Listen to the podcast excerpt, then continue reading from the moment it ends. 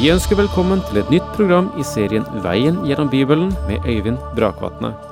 Denne studieserien er produsert av P7 Kristen Riksradio og bygger på serien Through the Bible av Vernon McGee. I dag fortsetter vi med gjennomgangen av Tredje Mosebok,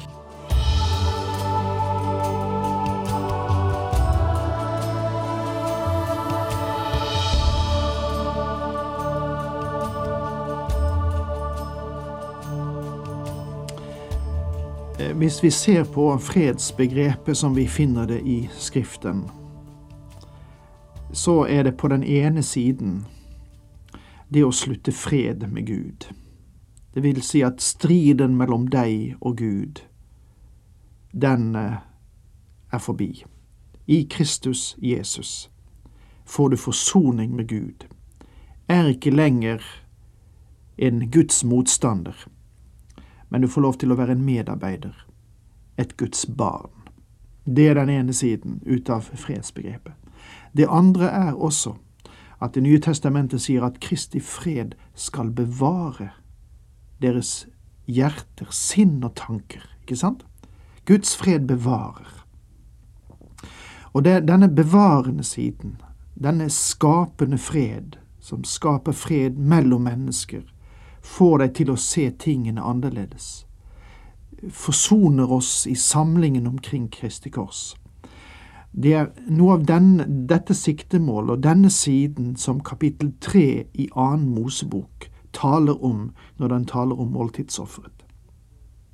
I et lite innledningsblikk som jeg nå har, så kan jeg ikke klare å få uttrykt dette helt, men, men ha dette bare som en liten peiling, og så vil vi komme tilbake til det etter hvert som vi nå går inn i måltidsofferet, eller fredsofferet, som det også eh, noen ganger blir om, omnevnt.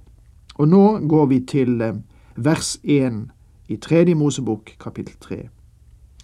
Vil noen bære fram et måltidsoffer, og han tar det av storfe, skal det være et lyteløst dyr han fører fram for Herrens åsyn, enten okse eller ku. Fredsofferet favner på sett og vis mye. Synderen kan komme til Gud fordi Kristus har gjort fred gjennom korsets blod. Der er også fellesskap med Gud og fellesskap med ham på grunnlag av den freden som er sluttet gjennom korsets offer. Kristus og hans forsonergjerning er et fullstendig offer som fører til fred. Men når det gjelder fredsofferet, så ligger vekten ikke på å slutte fred, men å leve i den fred gjennom fellesskapet. Ser du forskjellen? Hva er evangeliets appell til syndere? Vel, la meg skissere det slik. Gud sier til deg og meg som syndere, du er tapt, du er fremmedgjort for meg, og derfor må jeg henvise deg til det evige mørket. Om Gud gjorde det, så ville han være både rettferdig og hellig, og alle himmelens egner ville synge lovprisninger til hans navn. Men Gud er tilfreds med det Jesus gjorde for deg, og derfor kan du nå komme til Gud. Evangeliets budskap er dette Gud er forsonet. Spørsmålet er vil du bli forsonet? Gud er tilfreds med det Jesus gjorde. Det er budskapet. Det er de gode nyhetene. Gud har allerede vendt seg til deg. Vil du vende deg til ham? Han vil ta imot deg på grunn av det Kristus har gjort. Vil du være fornøyd med det Kristus har gjort, og vil du komme til Gud og hans fellesskap? Det er den fred du kan kjenne. Fredsofferet er forskjellig fra brennofferet på flere punkter. Når det gjelder brennofferet, var det bare et hanndyr som kunne ofres. Men her kan det være enten han eller hun, men uten feil. Den som ofrer, vil aldri finne så mye i Kristus som Gud finner i ham. I brennofferet tales det om hva Gud ser i Kristus. I fredsofferet er det den som ofrer, som finner noe i Kristus. Det er da symbolisert ved at det er tillatt å ofre hann og hunndyr. Han skal legge hånden på offerdyrets hode og slakte det ved inngangen av møteteltet, og Arons sønner, prestene, skal stenke blodet rundt omkring på alteret. Frem til dette punkt sammenfaller det med brennofferet. Av måltidsofferet skal han bære fram et ildoffer for Herren. Det skal være fettet som dekker innvollene, alt fettet på selve innvollene, begge nyrene med talgen som er på dem ved hoftemusklene, og leverlappen, som han skal ta ut sammen med nyrene. Her legger vi merke til forskjellen i forhold til brennofferet. Hele brennofferet ble plassert på alteret. I fredsofferet skal bare en del ofres, og den delen ble spesifisert. Det var utvalgte deler som skulle inkludere fettet og noen indre organer. Disse taler om de skjulte rikdommer, de dyrebare kvaliteter, den overordentlige verdi som ligger i Kristi karakter, og som Gud alene kjenner fullt ut. Noen ganger er det bare den indre kretsen som kjenner den virkelige verdi i en person som kan være skandaløst utlevert til offentligheten. Noen mennesker er blitt mine nære venner, ikke minst blant ordets forkynnere. En av dem ble stygt angrepet i pressen ved flere tilfeller, og rystende ting ble sagt om ham. Hans familie og jeg visste at det som ble sagt, var løgn. Nettopp det. Det er masse som sies om Kristus som ikke er sant. Og mange mennesker sier 'jeg forstår ikke dette', og 'jeg forstår ikke dette som har med Kristus å gjøre'. Mine venner, det er masse jeg ikke forstår av ham heller. Men Gud kjenner ham. Gud ser mer i ham enn du og jeg kan se. Gud ser de indre dyp. Vi kjenner ham bare så vidt. Det var derfor Paulus ropte ut i en dyp lengsel at jeg må kjenne ham og kraften av hans oppstandelse og samfunnet med hans lidelse. Arons sønner skal brenne det på alteret sammen med brennofferet som ligger på veden over ilden. Det er et ildoffer til en duft som behager Herren. Offeret ble fortært av ild, og dette taler om den totale innvielse til Kristus og hans menneskelige prøver og lidelser. Det er spesielt anmerket som et ildoffer til en duft som behager Herren. Vekten ligger fremdeles på Kristi person og ikke på hans gjerning. Det er hans fullkomne liv som står i fokus, ikke hans død for syndere. Hans lidelser i livet var ikke for verdens synder. Selv i de tre siste timene på korset var hans lidelser knyttet til menneskehender. Det var de siste tre timene på korset at han ble et alter der Guds sønn ble ofret. Mørket skjulte dette for menneskeøyne disse tre timene da det behaget Herren å knuse ham, da han fikk bære smertene og byrden, da han gjorde sin sjel til et offer for synden. Legg merke til at fredsofferet ble lagt sammen med brennofferet. De hørte sammen for å kunne få et helt bilde av Kristi indre verdi og herlighet. Men vil han bære fram for Herren et måltidsoffer av småfe, skal det være et lyteløst dyr han fører fram, hanndyr eller hunndyr. Vil han ofre en sau, skal han føre den fram for Herrens åsyn. Lammet bringer på en særskilt måte frem Kristi karakter, og er derfor særskilt velegnet som et offer i denne samling av fredsofre. I motsetning til det så er oksen representant for tjenersiden av Herrens gjerning. Oksen var et temmet dyr. Det ble brukt som kløvdyr og ble spent for plogen.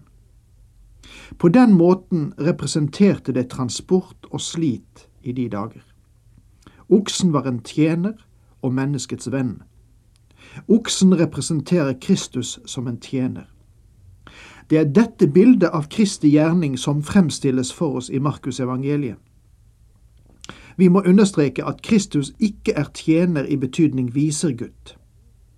Markusevangeliet understreker meget sterkt at han er Guds tjener. Han kom for å gjøre Guds vilje. Men lammet er et bilde på Kristus i hans fullstendige identifikasjon med mennesket i liv og død. Har du noensinne merket deg det? Ved starten av sin tjeneste understreker døperen Johannes at Jesus var Guds lam som bærer verdens synd. Det henviste til hans gjerning. Senere sa han Se der Guds lam, og henviste til hans person. Des, begge disse sitatene kan du finne i Johannes evangeliets første kapittel. Helt fra begynnelsen har lammet blitt fremstilt med kvalitet og evne til å ta menneskets sted i å bære verdens synd. Det første offeret som Abel gjorde, var å ofre et lam. Kanskje Gud kledde Adam og Eva i lammeskinn.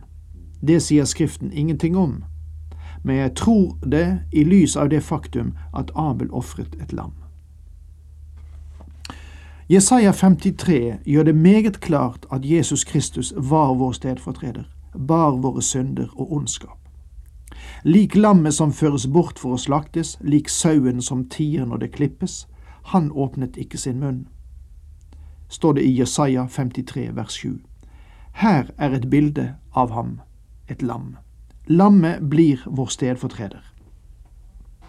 Han blir også kalt et lam i sin oppstandelse. Og jeg så et lam, det sto midt i kretsen mellom tronen og de fire vesener og de eldste, og lammet så ut som det var slaktet. Det hadde sju horn og sju øyne, og øynene er Guds sju ånder som er sendt ut over hele jorden.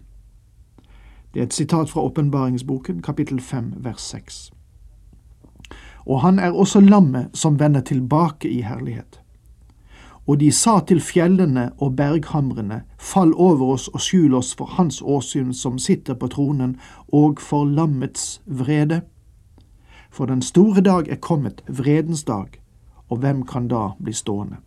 Åpenbaringen 6, versene 16 til 17. Lammet er sannsynligvis den mest fullstendige representant for Kristus av samtlige ofre. Legg hånden på offerdyrets hode og slakt det foran møteteltet. Og Arons sønner skal stenke blodet rundt omkring på alteret. Av måltidsofferet skal han bære fram et ildoffer for Herren. Det skal være fettet på dyret, hele fetthalen, som han skal skjære av like ved ryggbenet, fettet som dekker innvollene, alt fettet på selve innvollene, begge nyrene med tralgen som er på dem ved hoftemusklene, og leverlappen som han skal ta ut sammen med nyrene.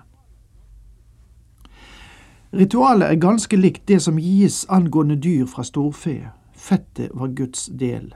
Det ble ansett å være den bedre del av dyret.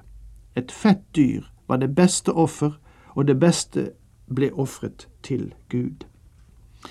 Det er flere skriftavsnitt som illustrerer at fettet ble sett på som det beste. Gå nu og et fete retter og drikk søte drikker. Det er den gamle oversettelse av Nehemja 8 vers 10.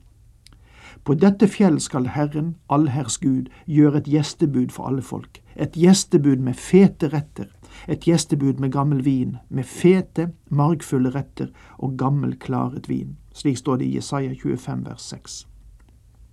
Og så står det i Lukas 15, 23, og hent gjøkalven. Og det å gjø betyr jo å fete opp. Og slakt den, så vil vi spise og glede oss. I dag er det slik at de av oss som trenger å gå ned i vekt, vi forsøker å unngå fett, men det er åpenbart at fettet ble ansett å være den beste del. Gud understreker det flere steder, også i dette kapitlet. Det skulle være for ham. Gud krevde det beste. Og dermed må vi si takk for i dag, Herren med deg.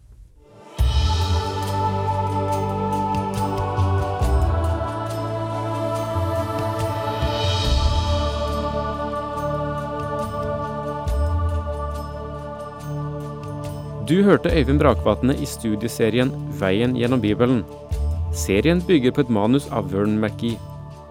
Har du spørsmål eller kommentarer til programmet, kan du sende en e-post til vgb krøllalfa p7.no. Takk for i dag, og på gjenhør.